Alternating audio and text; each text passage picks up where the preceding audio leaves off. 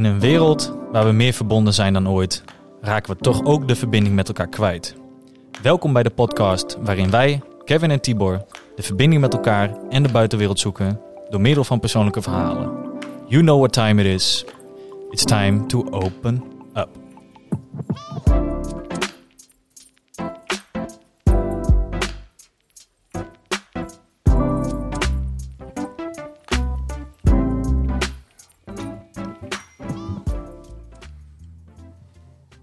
Yes. De intro vandaag eh, voor mij live. Aangezien ik uh, Bouwines heb gebeld en heb uitgenodigd eigenlijk. Je checkt altijd goed trouwens of de camera al aanstaat. Dus volgens mij is het elke aflevering... Ja. Staat hij wel aan? Staat wel aan? Ja, dat is op zich wel... ja, anders is het zo lullig. Dan hebben we straks een uur content en dan hebben we niks voor YouTube. Precies. Dus, Welkom luisteraars en dus ook kijkers bij een nieuwe aflevering van Time to Open Up, de podcast. We zitten vandaag met uh, Bouwine Sikkes. Ehm, vorige week hebben wij Dirk-Jan Vijver van eh Everlake Group geïnterviewd. En aan het eind vroegen wij hem, wie zou jij nog een keer in de podcast willen horen? Toen werd jij aanbevolen, dus vandaar dat we je hebben uitgenodigd. We hebben ehm, een andere podcast ook eh, gehoord waar je ook in eh, voorkwam vorige maand van Skip to Action. En wij zouden het mooi vinden om daar een beetje een vervolg op te maken.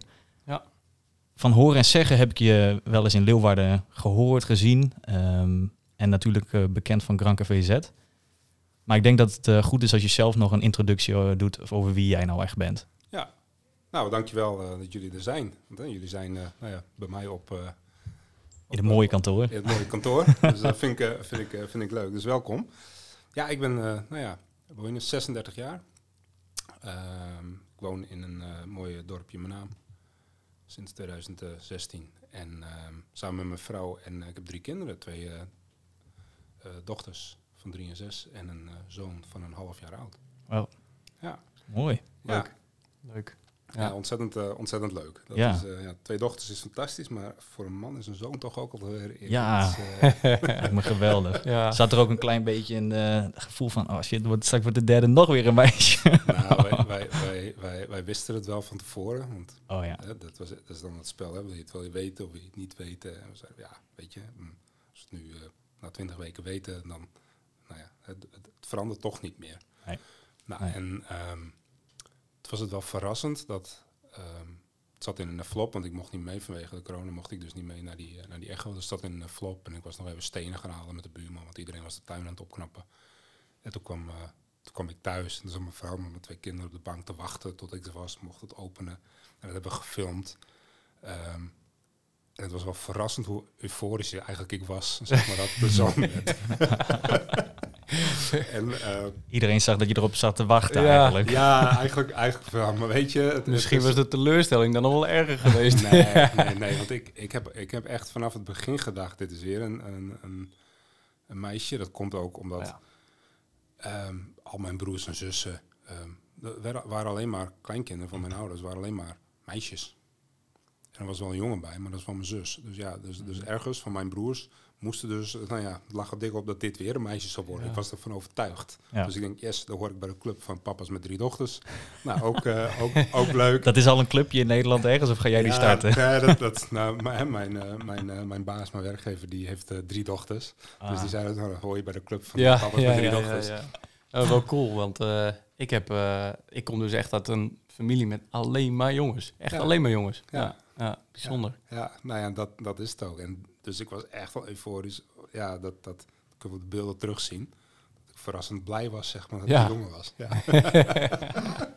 dus ik zei ook echt van, dit is ook de eerste, allereerste echte sikkers, zeg maar. Ja. Als je kijkt naar de, naar de naamdragers, om het door te geven. En uh, dat is het wel heel bijzonder. Want hoe groot is het gezin waar je zelf uitkomt? Ik ben een van de zes kinderen. Dus ik heb wow. een zus, een zusje en drie broertjes. Ja, en ik ben nummer, nou, nummer twee. Ja. ja. Maar je hebt niet in ieder geval de druk van oh, de naam Sikkes. Uh, mijn zoon is dan de enige. Ik moet een zoon hebben, wat is dan de enige die het nog kan doordragen. Je hebt ook nee. nog broers die ja. gelukkig ook nog de naam verder kunnen ja, ja, overdragen. Ja, dat, dat, ligt gelukkig niet helemaal aan, uh, aan mij. En ik weet ook niet of dat. Hè, vroeger was dat, tenminste, ik weet van mijn opa, dat het echt wel bepalend was.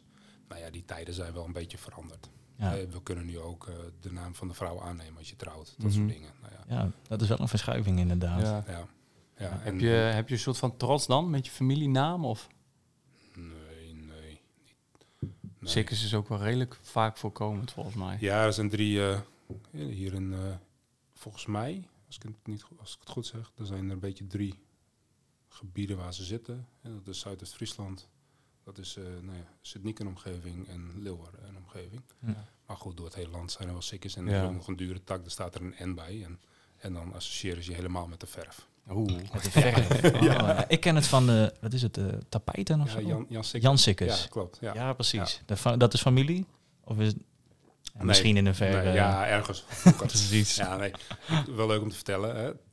Ehm, het- in die tijd dat de namen moesten, hè, want eigenlijk is het eh, Jan Sikkens zoon. Hè, dus zo moet je het zien. Hè, dus of Douwe Sikkens Mhm. zoon. Hè, want Sikke, Ja, dat was dan de, de vader. En dan was het Sikkens zoon. Nou, daar komt eigenlijk ook de naam Sikkens komt daar vandaan. Ja. Ah, dat zie je nu in eh, IJsland nog wel veel. Dan is het eh Steinsson.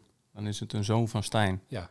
Ja, Ja, Ja. Nou ja, en dat, is, dat was hè, in de tijd dat iedereen een achternaam moest kiezen. Hè, ja, was het ook zo. Nou, Sikkens zoon. Nou, Ja. het Sikkens. ja. Of Ja. Sikkers. Nou ja, dus daar, daar is een beetje de achterliggende... In de, tijd, in de tijd van het kiezen was eh, jou, de man in jouw familie waarschijnlijk een boer. ja ongetwijfeld, ja. En die van mij die was een grote man, de groot, Ja, de ja, groot, ja. denk ik. Ja, ja, ja, dat. Dus het Ja. komt ergens vandaan en dat is wel leuk.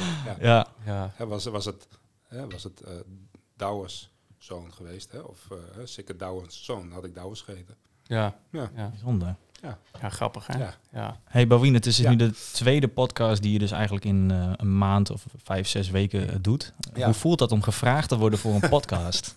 Nou ja, ja we- blijkbaar heb ik best wel een interessant onderwerp. Zeker. En, ehm, absoluut. hè, ik, eh, ik, ik praat daar ook best wel openlijk over. Dus ik ken geen, eh, nou ja, hè, soms, soms laat je het achterste van je tong niet zien. Vorige podcast vond ik echt rete spannend, want het was echt de eerste keer dat ik echt openlijk sprak over Ja. hè, wat, er, eh, wat er gebeurd is. Ehm, maar ik merk nu al dat ik er veel relaxter bij zit. Oh, En het, Mooi. is, het streelt na, een- ik heb niet zo last, gauw last van ego. Maar het, eh, ik vind het wel mooi. Ja, ik was ook Mooi. wel enthousiast dat je belde. Ja, mooi. Ja, Ja, je zei ook, het ook, eh, gelijk eh, ja toen, eh, toen er gebeld werd eh, door, je, door Dirk Jan. Ja, Van, ik, dat is een soort van, eh, ik wil het nog een keer kunnen doen. Ja. Ik wil eh, ja, goed het verhaal kunnen vertellen en echt even alles op Ja. tafel kunnen leggen. ja, ja, en ik weet niet of alles op tafel moet, hè, want soms moet Nee, je gewoon eh, je, je, je voorzichtig uitdrukken. Hè. Ehm, maar, maar weet je, er, er zit nog zoveel meer nou ja, achter. Hè. En, Ja. en dat werd echt in een half uur gepropt. En daar had ik ook echt wel echt een regie over. En dat is niet een uitverskip, maar dat was mijn eigen veiligheid. Ja. Van oké, ik praat er nu voor het eerst echt publiekelijk over. Dus ik wil ook voor mijn eigen veiligheid weten wat ik ga zeggen. Ja. Ja. Nou, en Ja. Eh, dat heb ik nu veel meer losgelaten. Ja. Dat is wel. ehm, want dat, ja, we, we hebben hem ook eh, beluisterd. En ehm, een van de dingen die me opviel, eh, dat toen, toen ik jou daar zag zitten, toen dacht ik echt van, ehm, ja, jij was voor jouw burn-out iemand die zich echt moest bewijzen. Ja. Klopt dat? Ja. ja. ja. Ja. En, Waar kwam dat vandaan dan? Nou, dat heeft nogal een, een, een, een historie. Want op dat moment, ehm, vanuit je onderbewuste wil je bewijzen. Hè? Dus je wil bewijzen. Maar ik wist pas, ehm, ja, weet je, eh, maart, april vorig jaar, waar dat vandaan kwam. Want want ehm, heel vaak doe je iets, maar je bent je helemaal niet bewust van, van waar iets vandaan komt. Hè? En ik noem altijd als voorbeeld, als ik boos ben op mijn kinderen, ben ik me er bewust van dat ik boos ben op mijn kinderen, maar ik ben me niet bewust van waar het vandaan komt. Want het Precies. komt ergens vandaan Ja. dat ik boos Ja. ben op mijn kinderen. Ja. Dus mijn kind kan er niks aan doen dat ze op een bepaalde manier reageert. Hè? Of je, je haalt erop van school en ze wil haar jas niet aandoen. Om zo te zeggen, word jij boos dat ze haar jas niet aan wil doen. Maar als jij twee minuten langer de tijd neemt voor je kind om even te knuffelen, misschien was alleen even met je knuffelen, ehm, dan heb jij meer tijd met je. hè, dan kost het je, nou ja, nee, het levert je twee minuten op, maar je moet even twee minuten in je kind investeren om te Ja. knuffelen, even een praatje maken. Hè? We doen de jas aan en we gaan naar huis. Maar als jij boos wordt, dan word je ergens boos. En dat, ik noem dat nu, in mijn werk nu, noem ik dat een overlevingsmechanisme. Hè, dus ik heb ergens een keer geleerd dat als, boos, als je boos wordt, gaat het helpen dat je kind Ja. ehm, hè, de jas aantrekt, terwijl dat helemaal niet zo is. Nee. Nou, terugkomend op het feit van, hè, ehm, ik kwam me altijd bewijzen. Ehm, het was voor mij een bepaald soort overlevingsmechanisme. En altijd maar bewijzen, groter. eh, eh, andere mensen moesten, ehm, ik vond dat anderen ehm, moesten vinden en zeggen dat ze trots op me waren dat ik dat allemaal deed. Ja. Moet je hem zien. eh, Moet, je, moet je hem zien. En ehm, dan ga je uiteindelijk ga je op zoek van ja, weet je, waar komt dat ehm, dan vandaan? Ja. Ja, en dat is wel even een zoektocht.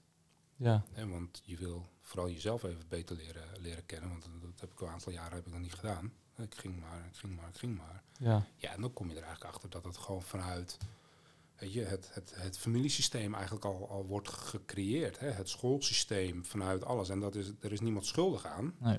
Maar het is wel zo dat ik dat op een bepaalde manier heb geïnterpreteerd. Van oké, ehm, ik ben nummer twee, dat vertelde ik net, hè, in, de, in de familie. Ik moest een bepaalde, hè, je het gevoel dat je een bepaalde standaard moest, eh, moest voldoen. Hè. Mijn zus die, die, haalde, die ging wel naar de HAVO, haalde hoge cijfers, dat soort dingen. Hè. En, en ik deed dat niet. Ik ging liever voetballen, eh, dat soort dingen. Maar ik moest wel met een negen thuiskomen. Ja. Ja, Ja. dat zit helemaal niet in mij. Nee. Een HAVO zat ook helemaal niet in mij of een VWO. Ehm, terwijl iedereen omheen zei, ja, maar jij kan dat wel, jij kan dat wel. Ja, weet je, Mhm. ik had daar geen behoefte aan. nee. Nee. Ehm, en en hè, dan, dan zo, zo ontstaat dat. En dat, dat, dat stop je weg, maar in je onderbewuste speelt dat altijd mee Ja. in je vervolgstappen. En nou ja, heel kwetsbaar. Ik moest, ehm, ik kon niet zo goed aarden binnen, de, binnen het school, eh, schoolsysteem. Dus ehm, er werden allemaal stempels op me geplakt en ik moest maar naar het speciaal onderwijs. Maar ik kom op het speciaal onderwijs en ik was echt gewoon, nou, ik was een buitenbeentje.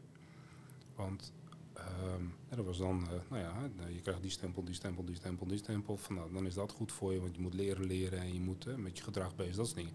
En dat is geen verwijt naar mijn ouders of naar, naar het, helemaal niet. Mhm. Want zij wisten op dat moment ook niet, eh, niet beter, maar Nee. ik zat daar niet op mijn plek. Nee. Ehm, en dat heeft allemaal wel bijgedragen in, in mijn profileringsdrang van, joh jongens, eh, kijk mij en eh, ik ga de beste worden. Ja. Om maar aardig gevonden te worden. Nou om ja, maar ja, die likability factor te nou, krijgen. dat. En, en vooral van je vader en van je moeder en van je omgeving te horen dat je het zo goed doet. Ja. Ja. En je bent continu aan het, aan het, aan het pleasen. Ja. Ja. En ehm, dat, dat doe je met je, met je gasten, dat doe je met- bij leveranciers, dat doe je bij je personeel, dat doe je bij alles en bij iedereen. Ja. Dat doe je thuis bij je vrouw, bij je kinderen. Je bent continu aan het pleasen. Ja. En, je, en uiteindelijk vloog je jezelf gewoon. Ja. Ja, en dan, eh, dan ben je heel hard aan het werk. En dan januari, eh, 4 januari eh, 2019 eh, gaat het licht letterlijk uit. Ja, precies. Was de bom. Ja. Barst, barst Ja. de bom. Ja, en dan is het zaak. Hè, dan, nou ja, dan doet niks het meer. Nee. Nee. Ik heb gelijk alweer 10.000 vragen, maar Ja. eh, je, je had het net, je had het net over het stukje, ehm Thibaut die zei dat met bewijzen. En toen zei je, ja, vorig jaar kwam ik er in één keer achter waar dat Ja. dan vandaan kwam. Ja. Vorig jaar is dus ehm, niet, de, ja, niet het begin van je burn-out geweest of niet het einde ervan. Ik weet, Nee. eh, wat was er vorig jaar in ieder geval dat je toen tot dat inzicht kwam? Nou, ehm, zonder commercieel te zijn, zeg maar. Hè, maar wij hebben de Vitality Mind Challenge. En die gaat eigenlijk op zoek naar jouw overlevingsmechanismes. Dat is een indicator van, eh, van 20 stuks. En eh, er zijn, wij, wij hebben opgeleide coaches die dat kunnen analyseren. Dus ik dacht, ga ik ook doen. En toen kwam ik er eigenlijk achter hè, dat, ehm, omdat ik hè, dus ehm, door alles wat er gebeurd is, heel slecht tegen kritiek kom. Dus ik ging ehm, overcompenseren. Hè, ik werd ontzettend loyaal, maar ik ging ook eh, volledig in mijn perfectionisme zitten. Dus moest tot hè, volledig in de perfectie. Ja. Ja, en dan ga je graven, want dan ontdek je opeens van hé, hey, ehm, wat is er uiteindelijk aan de hand geweest? Hè? En, en je bent weer opgelapt. Hè? Dus je moet eerst zien, op het moment dat jij een burn-out hebt, dan donder je om. Kom, hè, dan ga je met een burn-out coach of een psycholoog of iets anders op. Dan word je als een Ja. boomstam weer overeind gezet. Eh, maar dan heb je nog geen wortels. Dus je staat nog niet stevig. Nee. Dus ik had op dat moment, en dan nou ja, ben, je, ben je ruim een jaar, eh, meer dan een jaar verder. Op dat moment had ik behoefte aan van oké, ehm, ik ben weer toe om, om te wortelen. Om weer eh overeind te gaan staan. Dus Ja. ik ga op zoek, ja, waar, eh, waar komt het vandaan?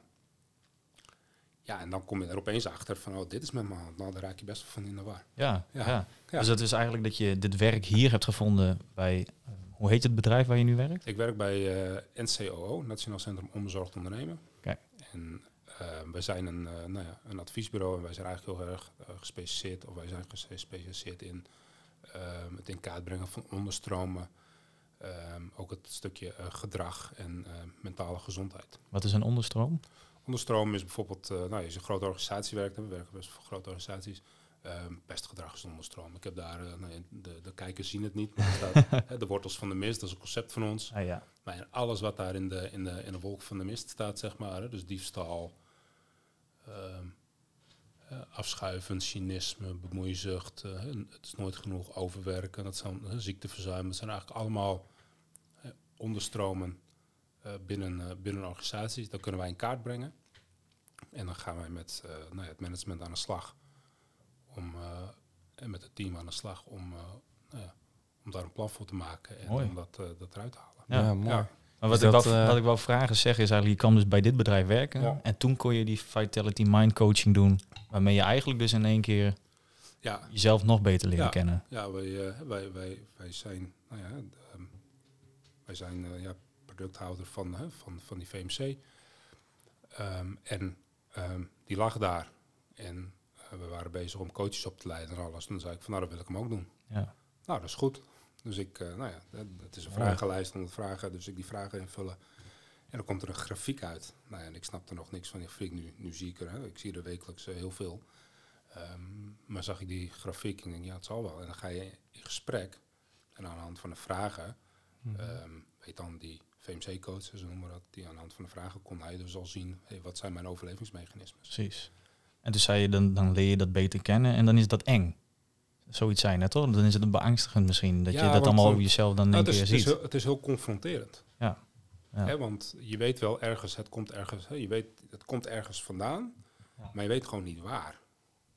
Hè, wat zit er in mij waarom ik dus, eh, ehm, nou ja, hè, ehm, ja zo'n stil grijs muisje nu ben, hè, want je bent eh, nou ja, vanuit eh, de burn-out moet je weer het werkveld in. Dat is ontzettend, nou, dat is al spannend. Ten tweede ben je aan het werk.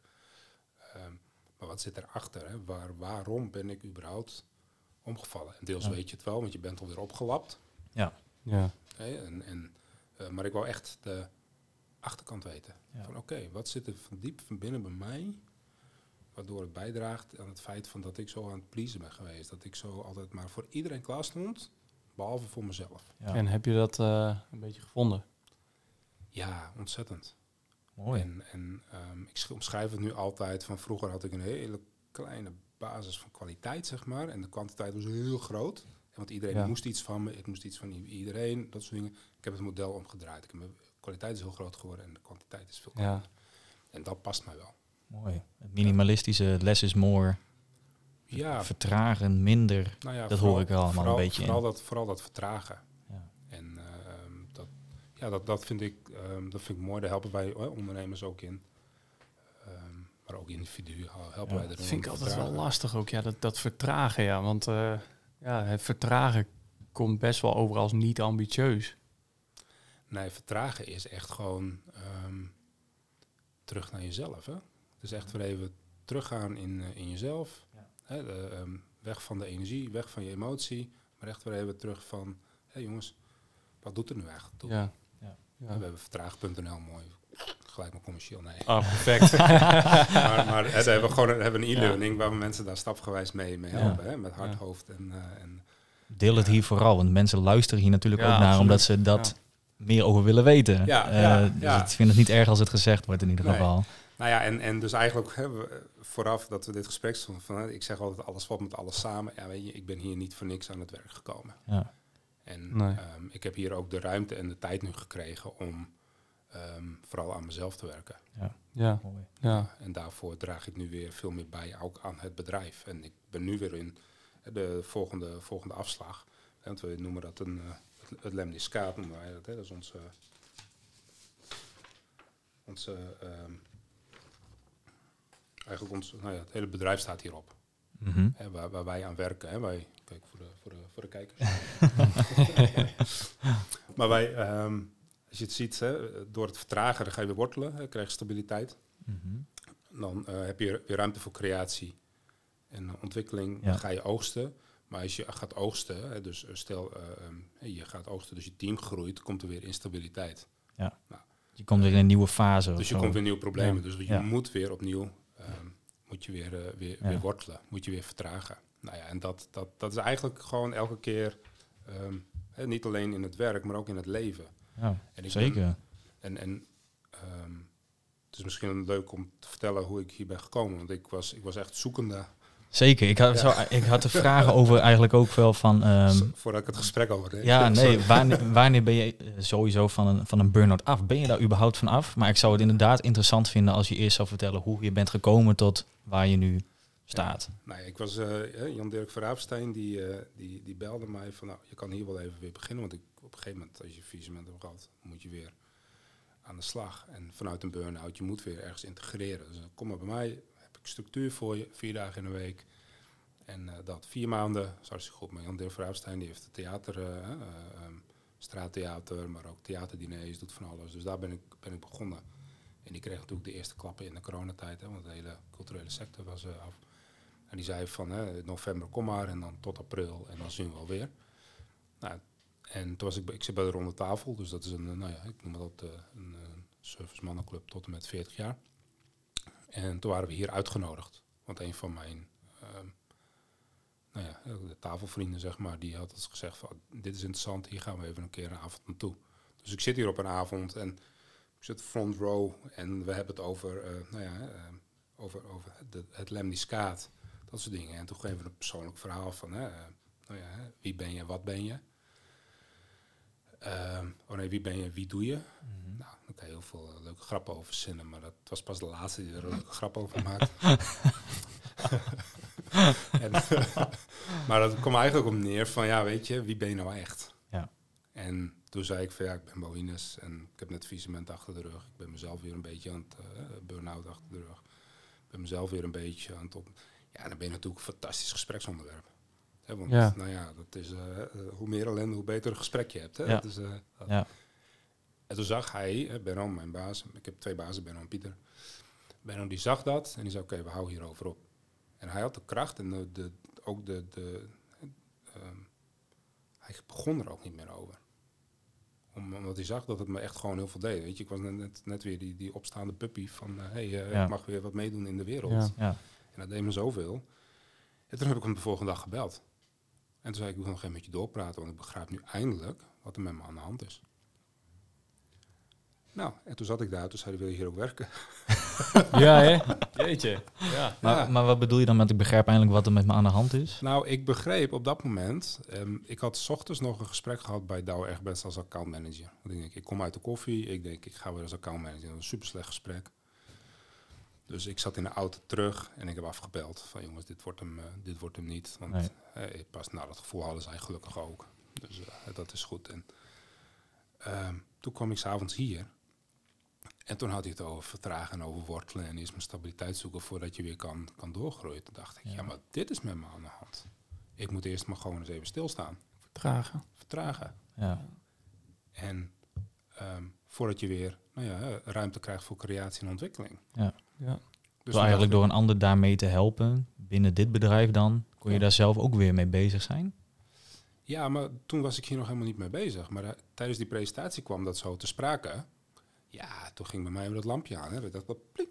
Ja. Dit is hoe het is. Dit is Ja. hoe het is. Dit is met mij, dit is met aan de hand. Nou ja, daar raak je best wel eh, nou ja, van in de war. Ja. En dus Ja. je gaat naar huis. En de volgende dag heb ik hem gebeld. Ik ben helemaal niet van het koud bellen of wat anders. Maar ik denk, bel hem gewoon. Van Benno, zullen we nog even doorpraten? Nou, en toen zat ik hier een eh, week later zat ik hier op de koffie. En eh, Ja. nou, wil je hier ook werken? Mooi. Ja, dat wil ik wel. Ja, maar dat, dat geeft toch ook wel aan dat het iets goeds is. Als je niet eens hoeft te na te denken over, oh, dit is een koud belletje of eh, eh, het houdt me tegen. En, Nee. Je doet het gewoon en het float. Ja, weet je, en je was zo op zoek naar, naar, naar jezelf en naar antwoorden en, en dat soort dingen. Dat je ook alles aangreep om met mensen in contact te komen. Want het was, nou ja, het- de- je- keek nog wat op tegen de grote boze buitenwereld. Ja. Ja. Ja. Het Was, eh, je, je wist wel dat je hulp nodig had. Ja, Ja. en je kreeg wel hulp, want ik was alweer recht overeind gezet. Mhm. Maar ik moest dus juist weer wortelen van, Ja. oké, maar wie ben ik nou echt? Ja. Ja. Dat is wel, eh, als ik dit zo beluister, denk ik echt wel van jeetje, dat, ehm, ja, dat, ik, ik merk dat ik het zelf ook wel vaker begin te doen, dat je echt wel even teruggaat. Ik heb bijvoorbeeld ook een stilte gedaan, maar eh, het is wel gewoon belangrijk dat je, dat je niet altijd in die, in die rollercoaster gaat. Nee. Het is wel, ja, Ja, en de een heeft daar een eh, ingebouwd mechanisme dus een beetje voor. Zoals zo'n stilte retreat Ja. of onze vorige gast Dirk Jan, die dan even een weekje naar Ameland gaat Ja. alleen. Maar voor sommige mensen is het in één keer dat bijvoorbeeld een corona, uh, dus een niet ingebouwd mechanisme, het even voor je doet. even die realisatie. Ik had het zelf heel erg. Van, oh, even uit die bubbel. Zo, je was zo aan het rennen, waar ben je helemaal mee bezig? En gelijk uh, bepaalde touwtjes doorgesneden. Hier wil ik niks meer mee te maken hebben, daar niks meer. Alleen nog maar dit. Ja. lekker is dat. Ja. Wij, hadden die maart hadden wij elk weekend verjaardagen. En soms wisten we niet of we, konden niet bij iedereen langs. En toen zeiden we februari nog, oh, we hebben zo geen zin in maart. Nee. Nou, toen kwam uh, eh, 10 maart van nou, uh, we, we schrappen de boel maar een beetje. dat soort dingen. Maart, april. Nou. En toen kwam die lockdown en toen was het in één keer rust. Ja. We hoefden niet meer naar verjaardagen, we hoefden niet. En we komen daar graag, hè, ja. laat dat wel duidelijk zijn. Alleen, uh, twee weken daarvoor wisten we gewoon niet hoe we het moesten hebben. Nee. Je kon niet iedereen uh, op verjaardag. En ik ben dan best wel rechtlijnig van, oké, kan niet, dan kan dat niet. En bijvoorbeeld je, je kinderen, vriendinnetjes, dat soort dingen. Dat, dat moet je ook rekening mee houden. En toen kwam de lockdown en eigenlijk was het wel lekker. Ja, mooie oplossing. Ja, en ik denk, het corona, we, we, kunnen er veel over, over zeggen. Ik, ik denk ook dat heel veel mensen geen last hebben gehad van, uh, van corona. Hè, want de baan bleef, uh, het salaris bleef, dat soort dingen. Er zijn sectorgroepen die wel heel veel last van hebben, hebben gehad. Maar ik denk dat het voor de hele wereld wel even goed is geweest om ook even, nou ja, je werd ook gedwongen om even te vertragen. Ja, het is een gigantische reflectiemoment geweest wereldwijd. Ja. Ja. ja. Heeft het jou nog meer geholpen dat uh, corona is gekomen? In, het, in de zin van vertragen? Nou, het gaf ook wel weer wat um, onrust. Omdat je hier 10 maart begint. Corona klapte 16 maart in de ordeportefeuille, ja. die loopt leeg. En uh, um, dan denk je ook echt van nou 9 april is mijn laatste werkdag. Ja. Dus, dus dat geeft het ook wel. Maar goed, toen was het 10 april. Toen dacht ik oké. Zo so be it. We, gaan gewoon, we gaan gewoon verder. En, en ik zit er nog. En ja. dat, dat, dat is ook wel te prijzen. Maar Nee, ja, weet je, ik, ik, ik, ik vind corona, ja, ik, het, het heeft heel veel dimensies. Ja. En hoe, hoe is het nu? Je zit hier dus nu een jaar ja. ongeveer, iets langer? Ja. Nou, ik ben weer, uh, ik ben weer toe aan, uh, aan vertragen en stabiliteit om weer een volgende stap te maken. Ja, ja. en dat, dat, dat nou, heb ik vanmiddag, uh, heb ik daar gewoon nog met, met Benno, mijn baas, hebben daar een veel gesprek over gehad. Ja. Oh, mooi. Binnen dit bedrijf ja. iets nieuws of we daarbuiten? Ja, ik, ik, ik, eh, ik doe heel veel projectmatige dingen nu. Nou ja, dat past me niet heel erg. Hè. Ik, bedoel, ik ben altijd een beetje de ster van de tent geweest. Hè. Dus ik ben altijd een beetje met je eigen producten bezig geweest, met je eigen concepten, dat soort dingen. En um, voor dit jaar uh, is, dat, uh, is dat prima, maar ik wil nu zo ook weer, ik wil veel meer naar buiten.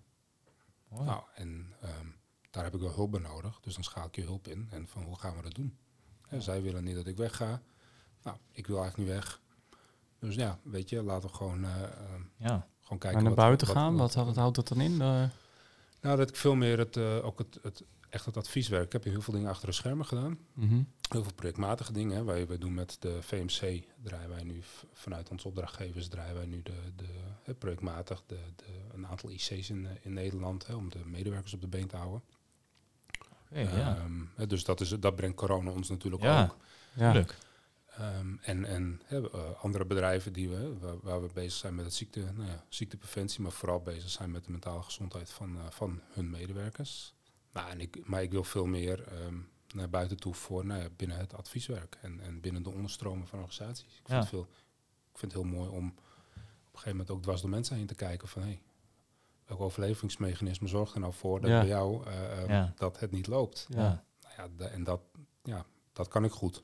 Dat is ook wel wat ik net eigenlijk een beetje voor de podcast uh, bedoelde en nu ook in je, in je wel zie. Van in, die, in de vorige podcast had, je, had ik het idee dat je wat rustig was en serieus en zo. En dan ontvang je ons hier en is het allemaal leuk en heel sociaal. Ja. Ik merk dat je wel een soort van sociale chameleon bent. Ja. En ik denk dat dat ook wel heel goed bij zo'n accountmanager zo bij je past. En daarom heb je dat denk ik ook bij de DE toen op gesolliciteerd. Ja. Je bent die sociale persoon die graag connecties met uh, iedereen maakt. Ja. Ik heb ooit de talent dynamics heb ik gedaan. En dan, dan heb je negen, uh, nou ja, negen soorten, uh, negen eigenschappen van je. En ik was echt de star. En ik was echt de creator. Hè. Dus ik ben creatief, maar ik kan er ook voor gaan staan.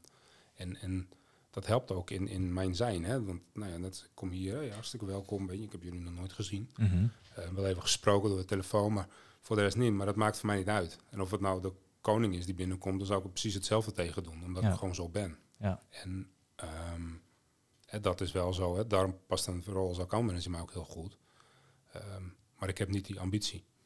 En um, ik heb veel meer ambitie om met problemen die ik heb gehad, met de kennis van nu, ja, andere mensen, ehm, nou ja, niet, ja, weet je, je kan het nooit voorkomen. Nee. Want als iemand omvalt, valt hij toch wel om. Maar wel om ehm, niet tot dat punt te komen. Ja. Nou ja, en daar heb ik alle tools van ontwikkeld, maar ook de, nou ja, de, de mensenkennis nu van. Ja, ja mooi. Ja, echt heel mooi. En ehm, want we hebben het nu best wel over dus de, dingen die je ervan geleerd hebt. Ja. En eh, nou ook wel je, best wel je toekomstplannen. Ehm, maar je had het ook over 4 januari 2019, hè? De- Ja. Het begin van. Ja, ja. Hoe, ja, hoe was die dag dan? Eh, Ja, daar ga ik niet alles over vertellen. En Nee. Dat is gewoon even de bescherming van mij en mijn gezin en, eh, en alle dingen. Ehm, maar dat was het moment dat je realiseerde dat het eigenlijk helemaal niet goed met je ging. En ehm, dan stort je eigenlijk jezelf, maar ook de mensen waarvan je houdt, storten echt gewoon letterlijk in een diep zwart gat. Met een onzekere toekomst. Met ehm, ja, iemand die echt gewoon compleet kapot is.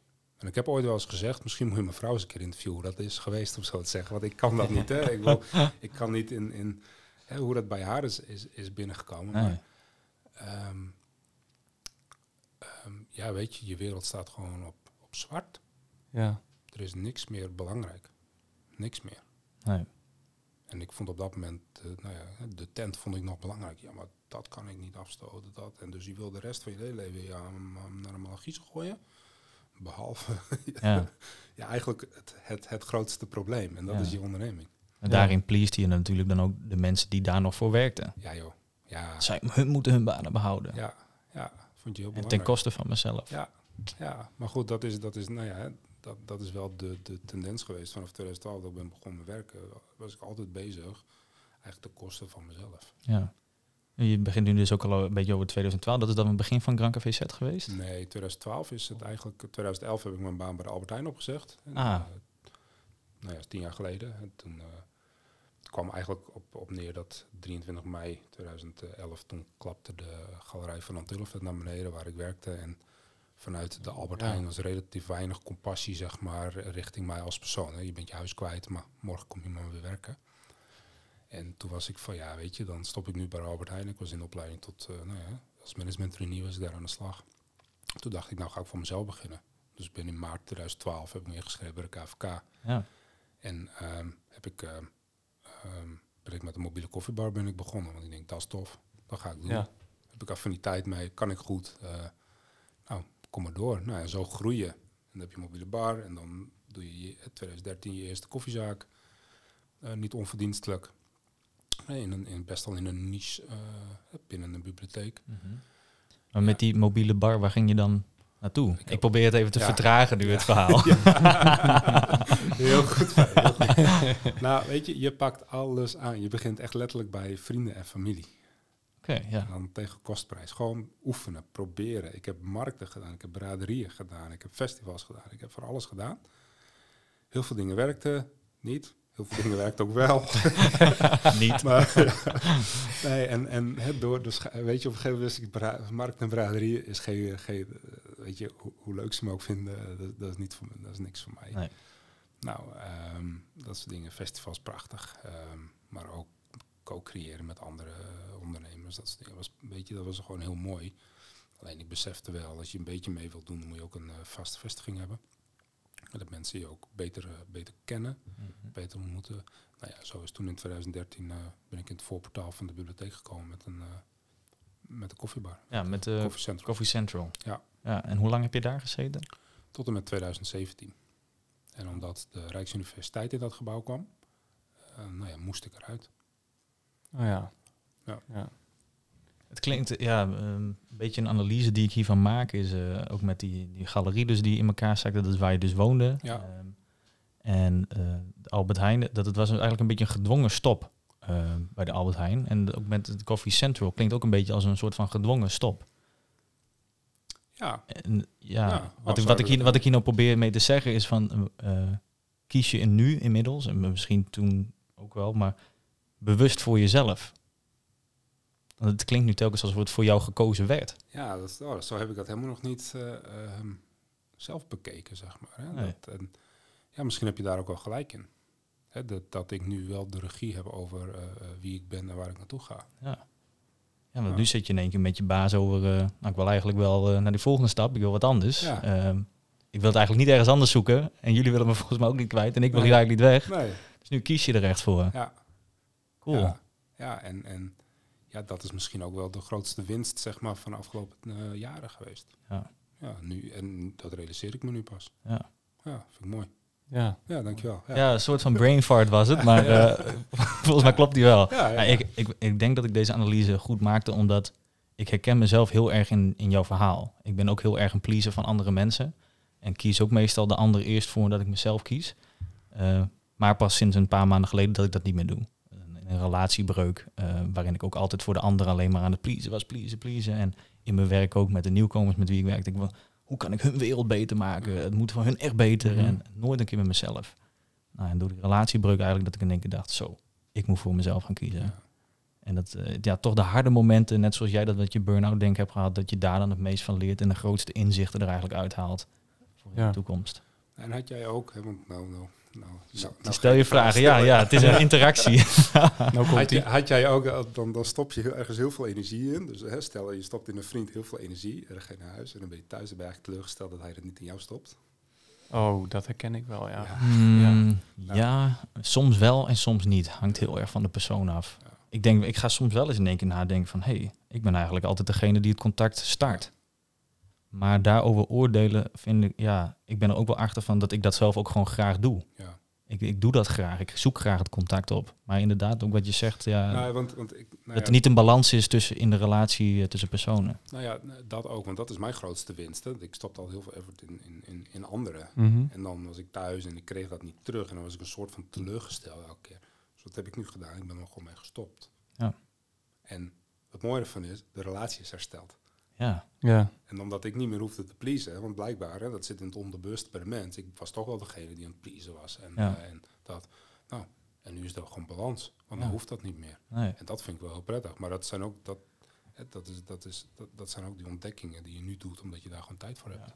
Het is ook de, de anderen de ruimte en de kans geven om dat aan jou te geven, zeg maar. Omdat wij als persoon zijn, die zegt dat wij dus een klein beetje hetzelfde zijn, heel erg die anderen aan het pleasen zijn voelt die andere misschien ook wel van, zo, uh, ik wil het allemaal niet, dat doe uh, ja. rustig aan. Uh, mm -hmm. En dan geef je eigenlijk dus degene niet de ruimte om een soort gelijk iets terug te doen. Nee. Er is helemaal geen balans. Dus. Nee. En, nu is het weer, en nu is het weer gezellig op verjaardagen. Ja, ja, ja. ja dat is wel herkenbaar, ja. Ja, ja bij jou ook? Ja, ik, ik merk het ook wel. Of, of ook wel dat mensen heel veel energie in mij steken. En dat ik het niet terug kan geven. Hmm. En dat dat ook wel frustreert. Maar ook wel van mijn kant van ja, maar ik wil het wel heel graag, maar ik heb niet meer energie dan. En ik wil er ook eigenlijk niet meer in steken. Ja. Zeg je dat dan ook tegen diegene? Ja, dat moet ik wel meer doen. Ja. Time to open up, ja. Uh, Timo. Ja, ja. Ik, heb, ik heb wel vier hele mooie leefregels voor je. Dat uh, komt uit het tolteken. Hè. Dat zijn de, de voorlopers van de Azteken. De Azteken kennen we Mhm, vaak mhm. wel als, als Ja. volk. En die hadden vier, eh, vier leefregels. Vertel altijd de waarheid. Ga niet uit van veronderstellingen. Doe altijd je best. En de laatste, vat niks persoonlijk op. En Mooi. ja, als je vanuit die, die perceptie, hè, want dat, dat probeer ik me ontzettend voor te houden. En ehm, ik heb er zo ook een leuke anekdote over, maar dan probeer ik het ontzettend voor me te houden. Ga niet uit, vooral die, ga niet uit van veronderstellingen, want je vult het vaak al voor een ander in.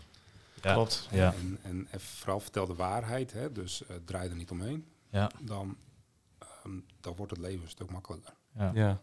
Ja. Ja. Ben je als persoon ook eh aardige, of was, eh confrontatievermijdend? Ja, de-escaleren, de hele Ja. bende. Ja. Ja. Ja. Ja, de- ik vraag het natuurlijk weer omdat ik zelf dus ook een beetje zo ben. En daarmee was ik altijd Nivea, niet voor een ander invullen, Ja. niet invullen voor een ander. Ja. Daar altijd mee bezig van als ik dit nu ga zeggen, dan krijg ik waarschijnlijk die reactie Ja. van degene. En Ja, dat is die Klopt, ja. eh, aanname eigenlijk waar het net over zegt, die Ja. eh, veronderstelling. Veronderstelling, die Dat is wel grappig. Ik, ik zeg dus ook heel vaak wel tegen anderen van doe geen aannames. Hè. Assumptions is the mother of all fuck-ups. Maar Mhm. als ik jou zo hoor praten, ik ben echt precies zo. Ja. Dat ik vul het ook alweer voor een ander in. Ja. We kunnen ook wel een clubje Ja. beginnen met Ja, z'n drieën. Ja, ja, ja. ja. Maar het, het, het allermooiste is, ik zou zijn van, ik heb een mooie anekdote. Ik Ja. was op de racefiets, want ik mag graag fietsen. Toen was ik naar een vriend gegaan. Het weekend daarvoor waren we naar Hellendoorn geweest. Dat is al een tijdje geleden natuurlijk, want dat, toen het nog open was. Ehm, en um, ik naar Hellendoorn en ik zeg tegen hem, stuur mijn vrouw even een tikkie dat ik bij jou een bakje koffie heb gedronken. Dus hij stuurt gewoon een tikkie naar mijn vrouw. ik kom, oh, heerlijk. en en uh, ik heb geen geld, dus je moet mijn vrouw even een tikkie sturen. Dat is mooi. Dus hij stuurt, hij, stuurt, hij stuurt mijn vrouw een tikkie. En ik kom thuis. En hij zegt, nou, dit is ook wat. Krijg ik een tikkie vorige week naar de ding is, je gaat toch verdorie niet voor 1,80 euro de boel verrekenen van een, voor, voor, een, voor, voor, een, voor een dagje helle door. Wat is dit nou? Dus ik zeg, wel echt Nederlanders zijn ten top. ja, Dus, dus, ik zeg, joh, heb je wel gevraagd waar het voor is? Mm.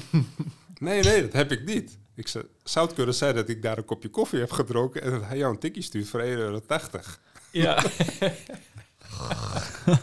maar weet je, dat, dat is de anekdote die ik altijd gebruik. Weet je, ga niet uit van veronderstellingen. Want, want je weet uiteindelijk het verhaal niet. Nee. En, en, en hè, dat is net zo met de waarheid. Ja, als, als vroeger maar iemand belde voor een sollicitatie.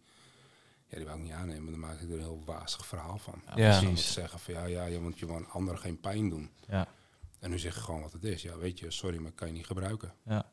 Ja. Waar heeft iemand meer aan? Een wazig verhaal of gewoon de duidelijkheid, hè? de waarheid? Ja. Ja, ik heb een, uh, een soortgelijke info, uh, situatie een tijd geleden gehad. Ik heb dus met die nieuwkomers die, waar ik mee werk, die uh, proberen we eigenlijk minder afhankelijk van een uitkering te maken. Dus zijn we naar een bedrijf toe gegaan waar die, een, een van die mannen dus dan misschien zou kunnen werken. Dat was eigenlijk een sollicitatiegesprek en ik mocht erbij zitten omdat ik de coach van diegene was. En na twintig minuten zegt de werkgever in één keer, we stoppen ermee. Hij zei, we gaan hier niks mee bereiken. Ik heb het al gezien, het is klaar. En ik dacht van, dit is zo oprecht, eerlijk en straight to the point. Van een, een, gemiddeld persoon die had er een anderhalf uur over gedaan. Die zegt, nou, ik stuur je nog wel even een mailtje misschien. Of we bellen later nog wel even. En dan is het uiteindelijk nog, ja, er was een andere kandidaat en die was beter. En deze man die zei gewoon recht waar het op stond. Bam, we vinden jou niks. Het gesprek loopt niet tussen ons. Dit wordt niks. Nee. 20 minuten, heeft iedereen tijd bespaard. Konden we weer allemaal naar huis. perfect. en de teleurstelling is er toch wel. Ja want op het moment dat je dan de teleurstelling hebt, of je hebt het naar een, naar een mailtje een dag later, om zo maar te zeggen, weet je, die teleurstelling is er toch wel. Ja. Maar je hebt het meer, meer aan de eerlijkheid hè, dan aan uh, uh, een beetje vaag gedoe. Want dan denk je nog steeds dat het een beetje aan jezelf ligt. Dat ja. Nee, dat ligt gewoon, past me niet. Ja. Je, ik vind het een moeilijk gesprek. Weet je, sorry, maar je wordt het niet. Nee. Ja, ja. dat is wel mooi. Maar want ja, jij, jij was voorheen dus ook zo, als het ware. Ja. ja. En, en nu doe je dat dus niet. Maar hoe, ga, hoe gaat zo'n proces dan? Ja, hoe gaat zo? Weet ik, ja, weet ik eigenlijk Ja, ik zit mezelf even een beetje te peilen op waar, waar, ik in het proces sta namelijk. Oh, dus, zo, ja. ja. nou, weet je, ik ben... Kijk, ik had, ik had best wel veel tijd. Hè? Als je dan uh, thuis komt te zitten met een burn-out en, um, en dan, dan, nou ja, negen maanden later trek je het visement over je eigen tent. En je bent herstel en heb je best veel tijd. En omdat je veel tijd hebt en jezelf ook tijd gunt, want dat doe ik nou nog steeds, ga je boeken lezen. Ehm, en ik heb er heel wat versleten. Ehm, ik, ehm, en, en, het mooie was, toen ik hier kwam werken, toen zei hij, hier heb je een boek. Als je dit even leest, dan begrijp je tenminste een beetje over het leven. ik denk, wat is dit nou voor boek? Of gewoon gesprek met God was het. En ik zeg, ga dit boek maar lezen en dan snap je een beetje wat we doen. Nou, ik denk, wat is dit voor vaag iets? En, ja. Uh, weet je, ja, christendom, katholieke huizen, maar weet je, niet praktiserend, eh, dat soort dingen. Ik denk, nou, boek lezen. Ja. Maar dat ging helemaal niet over God. Het ging over jezelf. En, en dat realiseerde ik me halverwege het boek. Ik had hem gelukkig ook als luisterboek, want het is een heel zwaar moeilijk boek. Dus uh, ik luisterde hem wat en af en toe viel ik in slaap en uh, het was toch mooi weer. Dus uh, lag ik buiten in de uh, onder overkapping een boek aan, de, aan, het luisteren en lezen. En toen kwam ik er eigenlijk achter van ja, weet je, dat, dat ehm, ehm, dat de literatuur of dat boeken jou heel veel geven. Zeker. Nou, en dat was wel het moment dat ik op een gegeven moment ging lezen. Ik ging veel meer over mezelf ontdekken. En um, nou, ik vertel net al dat hè, als je je kind van school haalt, waarom word je boos hè, op je kind als je de jas niet aan wil trekken? Dat soort dingen wou ik ook weten. Dus ik ben heel veel over mijn kinderen gaan leren. Ja. Van hey, hoe werkt het nou met die rechter en linker ja. hersenhelft? Hoe zit dat met die amygdala? Ja, ja, ja. precies, dus je, nou ja, daar met je onderbrein en je bovenbrein. Dat ook allemaal weten. Hè? Ja. Dan, kan ik, dan, dan, dan snap ik hoe mijn, hoe mijn kinderen werken, hoe dat functioneert. Ja. Waarom hebben ze ruzie voor, op een, met, met een liftknopje? Ja, dat vind ik dan mooi. En die tijd gun ik mezelf ook. Dat is een hele belangrijke, denk ik, dat je dat zegt. Van die tijd gun ik mezelf om dat Ja. allemaal te Ja. ontdekken en boeken te lezen. Ja, en ik hoef, hè, ik bedoel, ehm, ik hoef niet meer. Snap je? Dat is, ik heb de, de, de kwantiteit ingeleverd voor de kwaliteit. Ja, en je bent baas over je eigen kwaliteit. Ja. Nou, en daar hoort boeken lezen ook bij. Ja. En door een boek te lezen, weer terugkomend op wat we eerder zeiden, dan kies je eigenlijk ook voor jezelf. Ja. Het is een verrijking van jezelf. En dat, dat is niet eh, voor een ander, Nee. misschien indirect, maar op dat moment Ja. is het voor jezelf. Voor jezelf, ja. Ja. Heel praktisch. Op welke momenten leef- lees je een boek? Eh, verschillend. Gisteravond ging mijn vrouw sporten en de kinderen lagen al op bed om half acht. Nou, dan eh, pak ik het boek, ga ik lezen en dan er een eh, stift bij. En dan ga ik heel slordig eh, onderstrepen wat Oh ja. super belangrijk is. ja. En eh, Dus die boeken kan je niet meer uitlenen daarna. nou, jawel, maar dan, weet, dan weet ze even wat ik belangrijk vind. Ja. maar, maar dat, en soms is het een uur, soms is het twee uur. En, nou, morgen ben ik de hele dag thuis met, met de kinderen. Nou, en eh, de oudste gaat naar school, de jongste, nou ja, die, die gaat s ochtends lekker op bed. En dan de middelste, die, nou ja, die kan heel, zich heel goed zelf vermaken met, Mhm. met poppetjes en van alles en nog wat. Ja, pak je weer een moment om even te lezen. Ja. Ja, heerlijk. Ja. Ja. En soms heb je die rust niet. Nou, dan moet je het vooral niet doen. Dit is het stukje persoonlijke groei waar je nu eh, wat meer aan werkt sinds Ja. de, de burn-out. Zoals ik ook uit de vorige podcast wat had begrepen. Van, eh, je kan ook groeien zonder te groeien. Ja. Meer dan in de bedrijfszin. Van je hoeft niet per se extra omzet te hebben. Maar als je als persoon maar groeit, Ja. dan groei je ook. Ja. Ja, de, de volgende vraag die daar misschien een beetje bij past. Van, je hebt natuurlijk een burn-out gehad. Ja. Hoe voorkom je dat zoiets weer gebeurt? Is boeken lezen daar dan ook weer een onderdeel van? Nee, ehm burn-out is echt een, een hè, dat is, ehm, komt vooral van, hè, je, je, als je technisch burn-out uitlegt, zeg maar, je krijgt per dag miljoenen prikkels, eh, honderdduizend prikkels binnen, zeg maar, en jouw filter, hè, die, die, die filtert dat. Waarvoor kan jij een boodschappenlijstje hè, onthouden als je de supermarkt binnenloopt? Gewoon puur één op routine, eh, twee, je hoeft nergens anders aan te denken dan aan je boodschappenlijstje. Maar als jij ehm, je privé en je werk, alles niet in balans is, je krijgt overal prikkels krijg jij, eh, krijg jij vandaan, dan loopt je werkgeheugen vol. Mhm. Waardoor op een gegeven moment doet dat filter het niet meer. En dus dan neemt je reptiele brein, die neemt het over en die zorgt eigenlijk gewoon voor dat je gewoon nog leeft. Ja. Dus je eet nog, je slaapt, ehm, je doet eigenlijk alles behalve eh, ehm, nou ja, het, het, het, het cognitieve. Hè? Dus je, je nadenken lukt niet meer, eh, eh, gesprek voeren lukt niet meer, niks, niks lukt niet meer. En dat is een opstapeling van gebeurtenissen. Dat is een opstapeling van roofbouw op jezelf. eh, continu onder hoge stress werken. ehm, en jezelf die stress ook opleveren. hè, Want dat is altijd, burn-out is altijd een gevolg van, eh, van stress. Ja. En ehm, dan doet het het gewoon niet meer. Dus boeken lezen is niet per definitie... Ja, weet je, het is wel, het, het is wel eh, stressmanagement. Hè, want boeken lezen, dan, dan geef, heb je rust. Geef terug jezelf. Ja, Geef je ja. tijd aan jezelf. Dus enerzijds helpt het wel. Maar anderzijds, als jij hè, nou ja, twee horecalocaties hebt... je bent alleen maar bezig met mensen Mhm. pleasen... je loopt dan met stress. Hoe, hoe moet ik het salaris aan het eind van de maand betalen? Heb ik voldoende ingekocht? Eh, nou, noem alles maar op wat je de hele dag eh, mee bezig bent. En te verveuren van je gasten, van je personeel, van, van, van alles en iedereen. Ja, weet je, dan, dan loopt dat op een gegeven moment loopt dat gewoon vol. Ja. En dan kan je boeken lezen wat je wil. Maar je dondert gewoon een keer om. Ja, ja. En, ehm, want een burn-out, eh, ben, ben je niet bang dat je het nog een keer krijgt? Ehm, nee, nee, nee. En dat heeft puur mee te maken dat ik mijn leven heel anders heb ingekleed. Dus ik ben niet doorgegaan. Mooi. Op het moment dat je het faillissement aanvraagt en je zit dan bij de curator, krijg je wel de, de, de vraag van, en eigenlijk in het voortraject al, wil je het doorzetten? Hè, wil je het doorstarten? Nou ja, die vraag krijg je. Toen heb ik nee gezegd, want ik was, ehm, ik was toen een regie over mijn eigen leven. Ja. Cool. Ja. Maar dat, zou- dat zou bij sommige mensen misschien ook nog wel het moment zijn van... oh, dit is nog een kans om toch nog wel weer door te gaan. Ja, en als je maar- dan niet heel zeker voor jezelf hebt van... nee, dit moet echt niet meer. Nee, dat was wel moeilijk hoor. Ja, ja dan. Want ook in het voortraject, van ja, weet je, dan, dan zit je, ik heb een, eh, ik had een mentor en die, die, nou ja, die heb ik in, in de tijd van burn-out heb ik niet, niet zoveel gesproken. In het begin wel, later wat minder. En op een gegeven moment toen zaten we weer om, daar heb ik hem gebeld. Veel, weet je, account, het gaat niet goed. Uh, nou ja, we, we hebben twee kansen. Dat is of de tent om trekken of doorstarten. Nou, die op de middag is die gekomen. Cijfers bekeken, advocaat op de telefoon. Van jongens, wat, wat gaan we doen? Vrouw aan, aan de andere kant op het lijn, want die is al gewoon aan het werk. En uh, die zei ik van ja, weet je schat, ik steun je. En mevrouw zei ik steun je, dus als je teruggaat, hè, dan is het goed. Maar goed, dan moet je sowieso een zak, enorme zak met geld moet je mee, meenemen. Um, maar goed, ze zou me wel steunen. Alleen het gevaar op dat moment was, dan zou ik de, de, de tent terug hebben, om zo maar te zeggen. Maar dan zou ik mijn leven niet meer kunnen leiden. En um, dan stap je weer in, hè, dan, dan ben je gewoon aan het symptoom bestrijden. Dus dan gaan we de tent redden. Maar je redt jezelf niet. Nee. En dat was echt fundamenteel. Hè, en en uh, toen gingen we uitrekenen nou, met hoeveel we door konden starten. En dat soort dingen. Ja, dat was gewoon een onmogelijk getal. En toen was het heel simpel van, ja weet je, een overleg met de advocaat. Hier, uh, hier trekken we grens. Want ik wou bijna de grens weer overgaan, hè, omdat het gewoon, het is wel je trots. Ja. ja. Um, komt nog een stukje ego-kwestie komt erbij. Ja.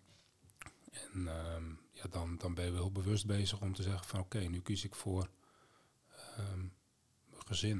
Dan kies ik voor mezelf. Ja, ja en dat, dat is wel moeilijk. En zelfs al zit je bij de curator, dan zegt hij nog, wil je doorstarten? Ja. ja. ja hoe, hoe zet je die ego dan aan de kant? Nou, dat, dat, dat, dat was vrij resoluut werd het door mijn vrouw gedaan. Van, uh, het, gaat niet, het gaat om jou, het gaat niet om je tent. Mm -hmm. En um, ik heb liever jou dan je tent. Ja. ja. Nou, en dan besef je wel, oké, okay, weet je, want hoe ik hier nu zit, weet je, als, als nou ja, je was herstellende in een burn-out, je was, was helemaal niet ouder. Hoe je daar dan zit, ja, weet je, dan kan je niet eens een tent leiden. Mm -hmm. Ja. Dan loop je drie dagen te janken van, uh, van, van de onrust. Ja. Nou, dan is het 6 september, ik werd 35 die dag, dan loop je de rechtbank binnen en dan geef je de documenten over, ja. Um, en, en dan bel je vrienden af, nee, nee, je vrienden bellen niet af, maar gewoon dan vier je eigenlijk je verjaardag, maar je viert je verjaardag niet. Nee. Je hebt geen zin in mensen om je Nee, heen, dat soort dingen. Nou, dan voel je je heel klein en, uh, en eenzaam en ellendig. En dat heeft echt wel uh, nou, een goed weekend geduurd. Ja. En Ja. daarna nog langer hoor. Ik bedoel, dat, dat, dat is wel een, een heel proces. Ja. Want ben je dan nu zeg maar uh, helemaal ervan af? Of zit je nog steeds wel met enkele symptomen ervan? Nou, als persoon zeg maar, heb ik, heb ik daar, hè, in, in mij als persoon heb ik daar nog uh, 27 maanden ook echt last van. En dat heeft met het uh, heeft dat te maken. Ja, precies. Ja. En daar heb je wel, um, weet je, dat enerzijds is het heel comfortabel. Want je doet gewoon je best om zoveel mogelijk geld voor je schuldeisers uh, um, nou, op te rakelen. Nou, dat, uh, dat, dat doe je je best voor. Um, anderzijds is het heel comfortabel. Want je hebt geen uh, deurwaarders meer aan je deur staan. Nee, je hebt nee. geen, uh, geen, geen dwangbevelen meer. Uh, Nee. Je hoeft niet meer bij de rechtbank te verschijnen. Noem alles maar op. Hè. En dat, dat, dat is voor je afgedekt. Dus daar ben ik wel heel dankbaar voor. En dat, dat, dat Nederland dat dit systeem heeft. Ja, mooi. Ja. En dat geeft jou de kans. Hè. Dat heb ik ook letterlijk bij de rechtercommissaris gezegd van toen ik daar zat. Van ja, weet je, dankjewel voor deze tweede kans. Mhm. Ja. Dat voelt echt als een voorrecht. Van, ik heb het niet met opzet gedaan. Nee. Um, het is gebeurd. Um, en en ik, wil, ik wil als persoon ook weer door. Ja. ja, mooi dat je die kans hier krijgt om uh, ja, toch weer uh, ja, te mogen shinen uiteindelijk. Ja, uiteindelijk ja. wel. Ja. Nou, en dan, ja, weet je, dan moet je die, hè, de tijd ook door. Hè, en in het begin, hè, je voelt je heel kwetsbaar, je voelt je heel eenzaam, je voelt je heel, heel zwak. Um, je trots is, uh, dat is een, uh, volledig naar een malachies. je bent eigenlijk een beetje angstig voor de Ja. grote wereld. Um, je moet weer opnieuw beginnen. Ja, hoe dan? Dat. En, en die tijd heb ik nu wel gekregen, gelukkig. Ja. Ja. Daar Ja. zijn de mensen om je heen natuurlijk heel belangrijk dan in Ja. Geweest en Ja. nog steeds. Ja, ik ben heel benieuwd uh, wie je vrouw is. ik zou er graag Ja, een keer dat- ontmoeten. Ik, Ja, jullie dat zijn was echt precies ook. Ik was heel benieuwd, want die moet echt heel sterk zijn om, uh, om zo uh, Ontzettend. dit hele traject mee uh, te moeten maken. Ja, ontzettend. En zij heeft ook honderd keer de kans gehad om te zeggen, ik trek dit ook niet meer, Nee. ik vertrek. Precies. Ja. heeft ze niet gedaan. En dat, dat weet je, uh, ik wil niet de tranen uitbarsten, maar dat vind ik echt wel, wel ja, benoemenswaardig. Echt, dat, uh, daar heb ik zo diep respect voor. Ja. Ja. Het heeft het eigenlijk misschien nog wel sterker tussen jullie uh, kunnen maken. Nou, wij kwamen op een gegeven moment op de, in, in de realisatie dat wij aan onszelf moesten gaan werken. En niet aan de relatie werken. Niet aan, hè, ik moest mijn burn-out gaan werken. Zij moest, hè, want weet je, zij, draaide altijd om mij. Dus hè, jij was de vent van de tent, jij was belangrijk, het draait om jou en hè, jij moet gelukkig zijn. Dat was haar perceptie, maar dat is, heeft zij ook een beetje geleerd vanuit haar thuis. Dus zij draaide het gezin en ik kon doen en laten wat ik wou. Ja, de balans was natuurlijk verstoord. Ja. Ehm, maar dat realiseerde zij ook op het moment dat ik omviel. Ja. Ik heb ook even een paar weken niet thuis gewoond, omdat het gewoon niet kon. Nee. Dus je kon niet thuis zijn. Ik kon niet de kinderen om me heen hebben, eh, eh, mijn eigen ellende. eh, de, de, de, de ellende van de, nou ja, van de tent wist ik toen helemaal nog niet. Nee. Hè, maar, maar dat kon ik niet hebben thuis. Ja, dat draait ze wel het gezin. En zij realiseerde ook van ja, weet je, eh, heel simpel. Het is ook mijn leven. Het Ja. draait niet alleen om jou. Het is ook mijn leven, dus ik ga nu ook mijn leven leiden. Ja. Ja, die ruimte heeft ze gepakt. Die ruimte heeft, heeft ze genoten. Pakt ze nog steeds. Ehm, dus zij heeft ook aan zichzelf kunnen werken. En het mooie ervan is, ik werk aan mezelf, zij werkt aan mezelf. En uiteindelijk is dat gewoon weer samengekomen. Ja. De, de verhalen klinken daarbij eigenlijk een beetje eh, identiek. Zij was misschien, eh, je ken, je ken je vrouw niet, dus als het niet klopt moet je het zeggen. Maar zij was misschien eerst even de pleaser eh, voor jou dan. Jij, terwijl jij bezig was om andere mensen te pleasen in de tent die je runde. Ja. En op een gegeven moment heeft zij gezegd, ik kies voor mezelf. Ja. En jij bent nu ook iets verder in je eigen ontwikkeling. Jij zegt nu ook, ik kies voor mezelf. Ja. En nu heb je in één keer twee hele personen die samen zijn. En we zijn een team geworden. Ja, Dat is het verschil. super mooi. We Ja. communiceren met elkaar. We zijn een team geworden. En eh, dat, dat, ja, dat vind ik heel... Ik vind het vooral voor haar heel knap. Ja. Ja. Zeker weten. Als ik opnieuw kon trouwen, ging ik opnieuw met haar trouwen. Nou, dat kan altijd. Ja, dat is waar, ja. Ik heb het wel eens vaker Ja. gehoord. Ja. En die, en die eh, mentor, eh, Ja. wat voor rol speelt die nu nog in je leven? Nou, die spreek ik eh, niet wekelijks, maar zeer regelmatig. En ehm, dat vind ik nog steeds heel fijn. Die heeft ook echt alles van heel dichtbij mee kunnen maken. Ja, En dat, ehm, de, de successen, maar ook de dieptepunten. En hij heeft zich altijd als supporter opgesteld. Hè? Dus niet als eh, bemiddelaar of als eh, ik ga de kar voor je trekken, dat soort dingen. Nee, die heeft zich altijd als supporter opgesteld. En ehm, daar is wel een hele innige band mee, eh, mee Ja. gekomen. ja. Ja. Hoe, hoe, shi- hoe shit het ook kan zijn voor de buitenwereld om te zien van ja, iemand heeft een burn-out. Dat, dat, dat klinkt ook weer heel als juist weer iets heel moois. van het kan ook weer dingen heel sterk maken. Ja. Het is misschien niet de beste manier, of de leukste manier bedoel ik eigenlijk, om het, die versterking van relaties te krijgen. Maar het is wel de manier op het moment. Nou ja, we hadden het net al in het begin over het vertragen. Hè, om zo maar te zeggen, ja, zo'n burn-out zorgt ervoor dat je vertraagt. Hè, dat je teruggaat naar de essentie van hè, wat vind ik wel belangrijk en Ja. wat vind ik niet, eh, niet belangrijk. Ja, Nou, en zo'n mentor is nog steeds belangrijk. ja. Ja. Ik heb gelijk daar alweer een vervolgvraag op. Sorry Tibor, ik heb echt eh, heel veel Ja, vragen. nee, kom, kom maar door hoor. Ja, ik heb geen haast. Ik vind het ook heerlijk om... eh, Wat, je, zegt van wat vind je belangrijk, wat vind je niet belangrijk. Ik heb ook het boek gelezen, The Subtle Art of Not Giving a Fuck. Dus eigenlijk waar geef je wel een fuck om, waar geef je Ja. niet een fuck om. Eh, en als een van de vragen die ik van tevoren had opgeschreven is van, wat is nu jouw ikigai? Heb je er wel eens van gehoord? Nee. Van wat is jouw reden om uit bed te komen nu? Het leven.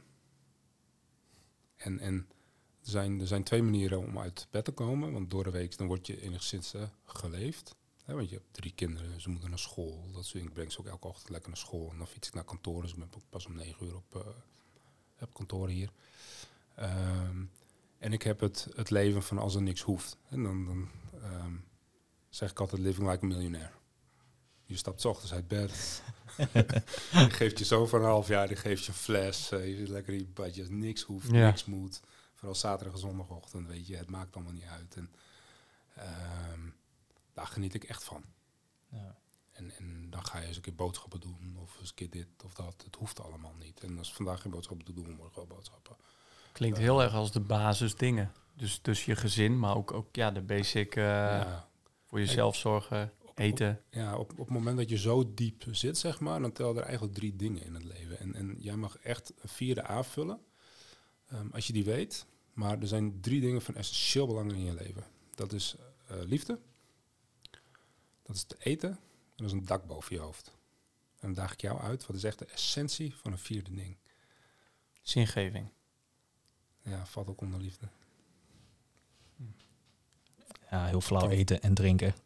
Ja, ja. ja maar hè, voeding, hè, voedsel, hè, Ja. eten, eten, drinken. hè, Mhm. dus, dus liefde, ik, eten, ik snap je. En, Ja. en ding is, wat is dan de vierde? Transport is super handig, hè, want je wil je voort kunnen, uh, kunnen bewegen. Nou ja, als je geen auto hebt, fietsen van, dus je kan ook wandelen. Hè, dan wordt je wereldje wat kleiner. Maar dat is eigenlijk de, de, de kern die ik er op een gegeven moment ook ingestopt heb. Van oké, dus als, als uh, um, een dak boven je hoofd, die hebben we. We hebben te eten en we hebben liefde. En te drinken ook. Dus uh, wat heb je nu nog meer uiteindelijk ja. nodig? Nou, vanuit die perceptie kan je heel makkelijk, veel makkelijker leven. En het liefst heb ik ook een hele mooie luxe auto en dat soort dingen. Maar dat heeft allemaal vanuit het ego heeft dat te ja. maken. Aangeleerd. Precies, uh, ja. Ja. ja. Want de buurman heeft dat ook. Dat soort dingen. Nou, daar, daar blijven we ver vanaf. Terwijl de buurman in zijn hoofd misschien ook zit van... hoe moet ik elke maand nou weer deze dure auto betalen? Ja. ik heb helemaal geen zin in. Nou, weet je, je geniet nog veel meer van het leven. Je geniet van, van je kinderen. Je geniet van... Hè, de, ja, weet je, alle clichés zijn uiteindelijk waar. Ja. Maar um, dat is wel de, de essentie. Je hebt ergens een, een, een nou ja, financieel systeem waar je aan moet voldoen. Dus er moet uh, geld op de plank komen om een brood te kunnen kopen, hè, want anders wordt het, wordt het vrij lastig. Maar je denkt niet meer in, in tekortkoming, je denkt in overvloed. Nou, ja. en um, dat draagt heel erg bij van, hè, van wat ik er echt van geleerd heb. Mooi. Dankbaarheid, echt essentie vinden. Ja, ja, ja mooi. Ja. ja. Ja, nee, ik, uh, ik ben er een beetje stil van. Ja, ja. je, hebt het, je hebt het heel duidelijk voor jezelf. Je hebt eerder al gezegd, die vier leefregels, daar leef je heel duidelijk naar. En je hebt dan deze drie pilaren eigenlijk van het leven gevonden. Ja. Dat is wel, wel heel mooi. Dat geeft ook goede sturing. Maar het is ook verdomd moeilijk. dat, ik kan dat ook niet in perfectie. Ik bedoel, heel simpel. En, en iemand anders zou dat ook niet in perfectie kunnen. Maar uh, het is heel lastig, want ik bedoel, dan... dan uh, nou ja, eens een keer op Autoscout. En dan zie je gewoon een fucking mooie auto. En dan denk je, oh heerlijk. ja. weet je, dan, dan dat. Oh, dat zou ook wel weer, oh wat zou het fijn zijn als je miljoenen hebt. Dat soort dingen. Dan denk je, ja, weet je, dat is money driven. Dat is helemaal niet belangrijk uiteindelijk. Nee. Maar, maar uh, wel vet. Dat. Ja. Het, het, is, het is wel een mooie pijlen. Terwijl ik denk van ja, weet je, het draagt niet bij aan liefde. Draagt nee. niet bij aan dak boven je of draagt niet Het zijn ook echt wel die, uh, die korte termijn uh, gelukjes die je daarmee uh, scoort. Dat. Ja, ja. En dat is, dat is weer die positieve, die prikkels die je nodig hebt als, zijnde, als, als mens, omdat wij zo geprogrammeerd zijn. Ja. ja. Heb je nog iets in het, uh, iets wat je echt uit het leven nog wil halen? Niet dat het eind nu in zicht is of zo. ja, ja, maar weet je, is het morgen gebeurd en is het gebeurd. Hè? Ik bedoel, laten we wel zijn. Ja, is, prachtig. Uh, Zeker. Ja, en, en uh, ja, ik vind het heel vervelend voor mijn kinderen, maar ik heb er geen last van.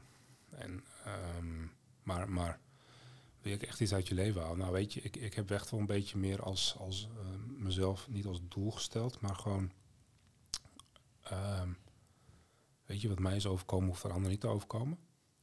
Uh, maar overkomt het je wel, dan mag je me bellen. Dan lap ik je weer op. Ja. En dat is gewoon vanuit, hè, dat, nou ja, morgen staat mijn telefoon rood gloeiend. Nou, ja, zes. nee, maar um, hè, omdat, weet je, ik weet hoe het is. Ja. En ik weet hoe, hoe, hoe je, de, hoe je nou ja, enerzijds, nou, ik weet niet ja, hoe je er komt, hè, dat is een beetje. maar um, hoe, hoe, je weer kan groeien. En dat is hè, wat, wat ik in de vorige podcast ook zei: van ja, weet je, op een gegeven moment is de posttraumatische groei. Hè, dus uh, kennen we PTSS, hè, kennen we uh, met z'n allen. Mm -hmm. Maar daar kan je ook uiteindelijk groei van maken. Hè. Dus ja. elke, elk dieptepunt, hè, nou ja, ik, ik vertelde al, hè, de, de, de galerij stortte in. Nou ja, 2013 overleed. Hè. Itzhard, een vriend van mij, met de kelderbrand. Um, je hebt het faillissement, nou, je hebt alle ellende wat je op je wereld hebt. Want iedereen, niemand is ongeschonden van ellende. Nee. Uh, maar je kan het uiteindelijk kan je het proces ook omdraaien. En dat je daar je, je, je, uh, je kracht uit gaat, uh, gaat halen. En ook naar anderen toe. Ja. Nou, en, en dat is echt wel iets wat, wat, wat ik de rest van mijn leven ga meedragen. Mooi. Ja. ja. Sowieso uit bed komen om het leven echt gewoon te, te, voelen. Eigenlijk zo klinkt het gewoon het leven te leven. En uh, daarnaast, ja, waar het kan, degene die een soort gelijke... Ik zie het boek trouwens liggen, posttraumatische ja, groei. Ja. nou, weet je wat, heel scherp zie ik. Ik heb, ik heb die podcast van Jan, Jan Hospes uh, even geluisterd. En die had uh, volgens mij een hele stapel boeken. Ja, die had een stuk of twaalf, ja. Een stuk of twaalf. En dus mee, deze had ik hier op kantoor neergelegd. Deze heb ik gekregen van een, van een goede kennis van mij. Die zei, dit boek, dit ben jij. Ja. En um, dus dat is, het is echt wel een heel leuk, uh, leuk boek. We leggen ze gewoon even ook uit van hoe dat dan ook nou ja, uh, werkt. Ja. Posttraumatische groei van ja. Anja Jonkind is dat ja. volgens mij. Ja. Nou, in ieder geval wat ik nog zou zeggen, uh, ook die soort van drive om andere mensen die hetzelfde meemaken daar ook een beetje in te kunnen ondersteunen, in op te lappen, zoals je het zei. Ja, ja heel mooi. Weet je, oh, je hebt heel vaak die coaches die helpen je alleen maar uh, nou ja, met, met als het heel goed gaat. Hè, en, en die gaan met jou vooruit. Ja. Maar opschalen. opschalen. Maar af en toe heb je ook mensen nodig die snappen dat als je achteruit gaat, hoe dat ook functioneert. En je kan ze niet weer vooruit helpen, maar je kan wel helpen om hè, de achteruit te vertragen. Ja. En ook te helpen met, oké, wat gebeurt er nu eigenlijk met me? Wat staat me te wachten? Dat weten ze heel vaak niet. Hè? Van oké, op het moment dat je dat je, je visement aanvraagt, wat staat me te wachten? Heel simpel. Een jurist of een advocaat, die doet er vrij nuchter over. Ja, weet je, nou ja, het is zo en uh, we, we, dekken het allemaal goed af en we zus en zo. Maar mentaal, ja, dan heb je echt wel een. Uh, een, een um, ik had gehoopt, of ik had gewenst dat er iemand was die precies snapte waar ik doorheen was zou gaan, ja. om zo maar te zeggen. En nu ga je dat zelf aan. Um, en dat is goed, hè, want je, je hebt ook geen andere keus. Maar soms zou ik wel eens willen weten hoe dat nou. Um, nou, af en toe wil je ook even niet voor een verrassing komen te staan. Nee, precies. En, en, die mensen die zijn er wel, maar um, ik hoop omdat ik er wat openlijk over praat, dat, dat mensen daar, daar ook een stuk bewuster van worden. Van hé, hey, ja, er is altijd wel voor, hè, voor, voor het succes uh, zijn ze honderdduizend mensen te vinden. Zeker. Maar voor, uh, voor de tragedie, ja, weet je, dan trekt iedereen het liefst uh, zo ver mogelijk bij je vandaan. Ja. En dat is goed. Ja. Hè, want want zo, dat iemand anders, het is ook iemand anders zijn leven. Ja. Hè, dus de tragedie wil je vaak niet zien. Nee. Dat wil je niet meemaken, want daar heb je zelf helemaal geen behoefte aan. Nee. Maar soms is het wel fijn dat je ziet wie iemand kan bellen. Ja. Of dat iemand een mailtje kan sturen van, joh, Bohinus, uh, ik, weet, uh, ik weet waar je doorheen gaat. Ja. Ik zal gewoon even een kop koffie drinken. Ja. Ja. Ik hoop dat deze podcast daaraan mag bijdragen, want wij zijn natuurlijk uh, een beetje tegenovergesteld van wat je zegt met, dat is net het succes. En daar heb je allemaal mensen die wel willen luisteren. En wij zijn meer een beetje de andere aan het belichten, de wat moeilijkere ja, de, weg. De mindere kant. Ja. Um, ja, je zegt van ja, dat iemand jou dan bijvoorbeeld een keer zou kunnen mailen of kunnen bellen. Ben jij in je burn-out tijd of daarna ook een soort van lotgenoten tegengekomen? Mensen die ook een burn-out hebben gehad? Nou, uh, verbaas je niet. Maar iedereen die je spreekt, zeg maar, kent wel iemand heel dichtbij die of overspannen is geweest of een burn-out heeft geweest. Een aantal die, die beschouwen dat als een soort van sectie, want we hebben hetzelfde verhaal. Mm -hmm. Ja. Um, maar er zijn ook mensen waarvan je het niet wist, maar uiteindelijk um, er wel achter komt. Het is niet. Ja. Het is echt een. Het is, het is een new generation uh, ziekte is het eigenlijk. Ja. Hè? Ja. En dat, dat, dat is ook deels wel uit te leggen door de, de tijd waarin we nu leven. Hè? En, en als je nu de, de, de wereld, de laatste twintig jaar in, in, in, een, in een jaarkalender doet, geloof ik, of dan, dan is de laatste vier seconden of zo, of de vierhonderdste zeg maar, Mhm. daar, daar leven we nu in. Ja. En, en die tijd is ontzettend snel gegaan. Dus het is echt wel, nou ja, voor, voor, de, voor de nieuwe generaties is het nou ja, een van de grootste nou ja, ehm, ja, ziektes, maar voor bedrijven ook de grootste kostenpost. Ja. Ehm, weet je, breek een been kan er gips omheen, maar zodra je ehm, burn-out schade hebt, zeg maar, dan doe je er niet een gipsje omheen. Nee. Want dat heeft, nou ja, tussen de 200 en, eh, en de 300 dagen ziekteverzuim is dat. Ja. Dat zijn enorme kostenposten. Hoe kan het, hè? Dat die, dat die generaties zo... ehm, ja, nou ja, de, eh, 50 jaar geleden was dit er, er niet. ja. Bijna niet. Internet natuurlijk ook. Ja, en, en weet je, ik heb ook geen social media meer.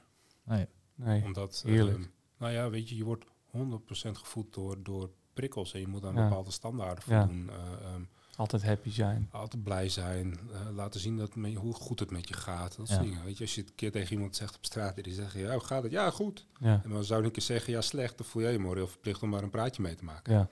Dat, dus, maar dat wil jij wel. Mhm. Maar degene die ja goed tegen je zegt in plaats van het gaat eigenlijk helemaal niet goed met me, die zit daar helemaal niet om verlegen, want dan moet hij eigenlijk een soort van met zijn billen bloot. ja, ja, Ja. klopt. Ja. Dat, en, en dat willen wij als maatschappij helemaal niet meer. Nee. Nee. Het is heel erg, eh, het, het vaste antwoord is goed of druk. Ja, normaal is het ook mensen vroeger, vroeger, vroeger altijd van alles goed. Nou, dan is ja een gebruikt eh, Mhm. goed Ja. antwoord. ja, Ehm, maar nu beginnen mensen soms ook wel te vragen. Ik vraag altijd, hoe gaat het met je? ja. Dan is ja nog steeds het automatische antwoord. En Ja. bedenken ze in één keer, oh, dat kan helemaal niet een antwoord op deze Nee. vraag zijn, want het is een open vraag. Ja, Ja. goed. Ja. Ja. Ja, maar weet je, en, en druk, hè, want dat, dat vind ik wel mooi. Dat boek ben ik nu aan het lezen over minder drukte. Ben ik aan het lezen. En daar blijkt dus ook van, hè, wij, wij werken vanuit de, de input. Hè, dus dus ehm, laat me zien hoe productief je bent. Hè, dus, dus de input. Maar de input zegt niks over jouw output. Nee. Nou, en, en wij zijn altijd maar, nou ja, heel druk. Dat is enerzijds om te laten zien hoe succesvol je bent. Mhm. Anderzijds uh, te laten zien hè, dat, uh, dat nou ja, de, de, de auto voor je deur uh, gerechtvaardigd is, zou ik Ja. zo maar te zeggen. Terwijl het eigenlijk helemaal niet gaat over het, het welzijn van de mens. Nee. Wat vind je dan van de quote, eh, the harder I work, the luckier I get? Ik heb hem laatst ergens bij eh, een heel mooi commercieel programma, Dragon's Den, eh, voorbij horen komen. Ja, ik zeg altijd van, weet je, je kan hard werken, maar je kan ook zacht werken met hetzelfde resultaat. Ja, slim. Nou, ik, ja, ik, vra- ik vraag het eigenlijk ook omdat ik soms wel het idee heb van ja, als ik nou gewoon eh, twee dagen aan iets zou werken in één dag, dan denk ik dat ik in twee dagen toch wel er meer mee bereik. Maar dat hoeft denk ik niet helemaal het geval te zijn. Nou, weet je wat het grootste probleem is binnen met, met, met werken, zeg maar? Jij, jij werkt, je wordt gebeld, je werkt dat. Maar elke verstoring, zeg maar, haalt jou weg uit je focus. Ja. En wij zijn gewend om te multitasken. ja. Hè, als ik, nou, ik ben dinsdag bij, eh bij iemand geweest, die begeleid ik. Ja, die was 32 keer gebeld. Toen, Ja. vroeg ik aan hem, op een dag, toen vroeg ik aan hem, hoe vaak was het nu echt belangrijk? Ja, misschien drie keer. Ja. Zei, waarvoor heb je dan die andere 29 keer je telefoon opgenomen? ja. En eh, dat soort dingen. En dat, dat, dat is heel lastig, omdat wij vinden dat elk telefoontje belangrijk is. Dat elk appje belangrijk is. Dat soort dingen. Ja, Maar het haalt, maar het haalt jou weg van je, van je hoofddoel. Dus ik zeg ook, doe gewoon één ding tegelijk. Ja. Ja, daarin ben ik heel blij dat ik een keer een boek heb gelezen. Volgens mij was het de 4-Hour Work Week van eh, Timothy Ferris. En dat was dus ook een soort van challenge van eh, ga zeven dagen even zonder social media. Ja. Gewoon niet, je hoeft je account niet te verwijderen, maar verwijder de app gewoon even van je telefoon. Nou, dat beviel heel erg. Dus toen daarna heb ik gewoon de accounts ook verwijderd. En vervolgens staat er ook in, zet gewoon je notificaties op je telefoon uit. Ja, gewoon Als mensen je echt nodig hebben, dan, dan vinden ze je echt wel. En dan Ja, het blijkt allemaal niet Ja. zo belangrijk te zijn. Nee. Dat hoor ik hier ook wel Ja. een beetje in. Ja. Ja. Ja, en, en dat wij, wij, wij denken altijd maar dat we lijstjes moeten maken. Dat we de boel zo snel mogelijk moeten afwerken. En moeten laten zien dat we heel goed bezig zijn. Maar uiteindelijk, ja, weet je, ehm, als jij een lijstje aan het afwerken bent, maar er komen nog 36 andere randzaken voorbij, zeg maar, krijg je je lijstje nooit. eh, nooit. Nee. Dan zeg ik ook van, ja, hou je focus gewoon op één ding. En dat is het. Ik eh, heb mijn, vraag mijn vraag van net was volgens mij nog niet beantwoord. Maar heb je nog iemand gesproken die ook in dezelfde situatie heeft gezeten, ook met burn-out? Ik ben gewoon heel benieuwd hoe zo'n zo'n gesprek zou zijn. Ja, heb ik. Ehm, de, de vorige bewoner van het huis waar wij wonen, die heeft ook een, een burn-out gehad. En, en kwamen laatste pakketjes kwamen bij ons binnen op oude adres bol.com. Het adres niet wijzigen, Ja. er al sinds 2016. Maar ja, weet je, dat kan gebeuren. Dus hij kwam nog even langs om, eh, om eh, dingen. Hij heeft ook een burn-out gehad. En dan heb je inderdaad een, een, ehm, wel een gesprek. En Ehm, je begrijpt elkaar, want je kent het gevoel. Het is ook een onbeschrijfelijk gevoel als je het hebt. Ehm, dat alleen iedereen beleeft en ervaart het weer op een hele andere manier. Dat is wel wat ik daarvan ontdekt heb. Ja. En wat voor mij eh, hielp en wat voor mij belangrijk was, wil niet zeggen dat het voor hem belangrijk was of hielp. Precies. Dat soort dingen. En dat, dat, ehm, ehm, dat was best wel een gek gesprek. Wel Ja. een heel mooi gesprek. Want het is heel open. Ik, bedoel, ik maak er ook geen geheim van. En het hele dorp wist het wel. En ik ging op een gegeven moment ging ik bij de voetbalclub voetballen. Nou, dat moet je niet doen naar een burn-out. Want dat is- er gebeurt zoveel om je heen op het Ja. veld. Dat is echt eh, dat is niet grappig. maar, maar ehm, dus ik heb er ook nooit, nooit een geheim van gemaakt. En met hem kwam dat zo te sprake. En dat was al een keer eerder tussen neus en lippen door. Was dat, maar toen hadden we echt even een serieus gesprek. En dan kom je er eigenlijk achter dat heel veel mensen vooral hij ook een burn-out heeft, maar beleeft het heel anders. Had hele andere handvaten om zichzelf er weer bovenop te helpen. Of kreeg andere handvaten, dat soort dingen. En dat is, voor iedereen is dat weer anders. Ja. Want Mhm. zijn burn-out kwam misschien ergens anders vandaan dan waar het voor mij vandaan kwam. Ja. Dus voor degene die dus dan misschien wel enige symptomen, klachten hebben, eh vind toch eigenlijk wel je eigen weg daar dan een beetje in. Ja, en, en ehm, ga alsjeblieft, hè, op het moment dat je je niet lekker voelt of je je uitgeblust voelt of anders, wil niet zeggen dat het een burn-out wordt. Hè. Nee. En, en heel veel mensen zitten bijvoorbeeld niet lekker in hun werk. Hè, of die zijn op zoek naar een andere baan. Of die hebben ehm, geen, geen goede arbeidsrelatie. Dat soort dingen. Gaan met tegenzin naar het werk. wil dus helemaal niet zeggen dat ze in een burn-out komen. Ehm, maar trek wel ergens aan een bel.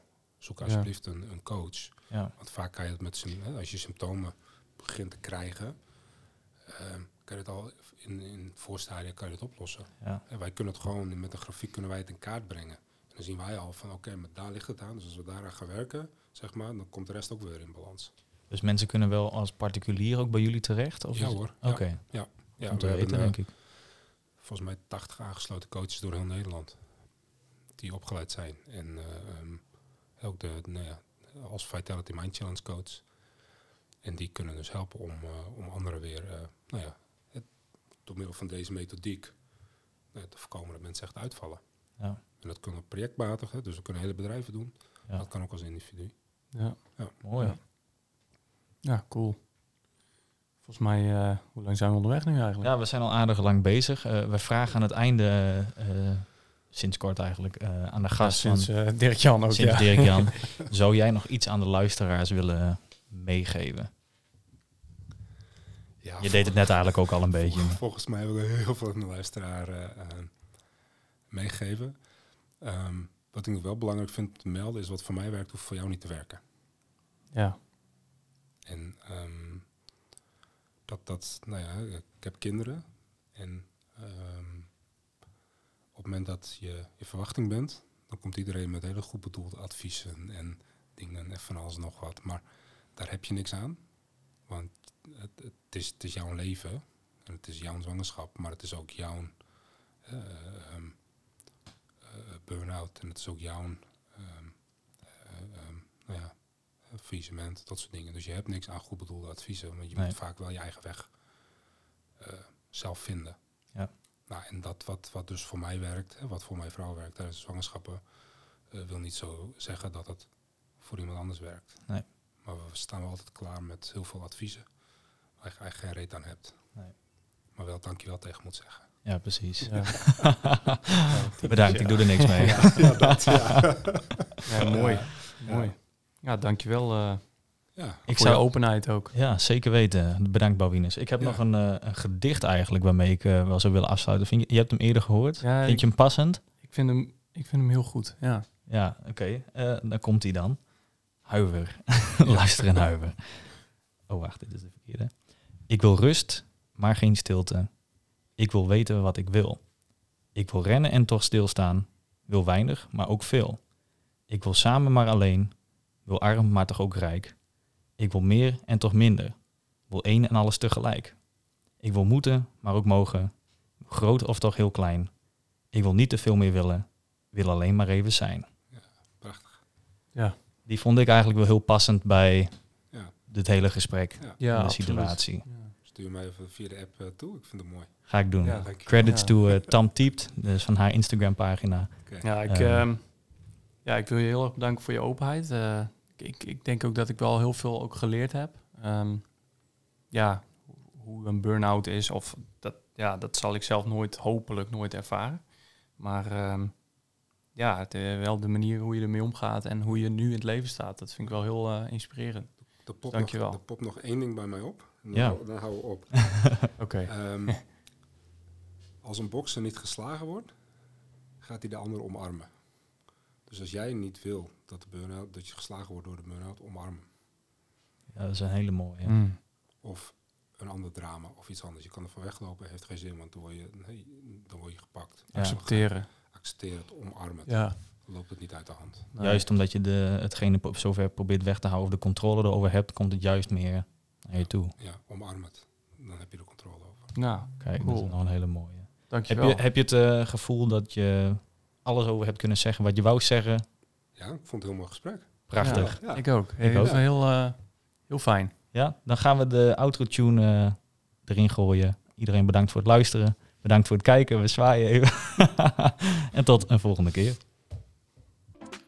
Bedankt voor het luisteren naar Time to Open Up. Heb jij nou ook een brandende vraag? Stuur deze door naar de LinkedIn van Kevin de Groot of Tibor de Boer. Wij zijn wekelijks terug te luisteren op Spotify. Tot de volgende keer.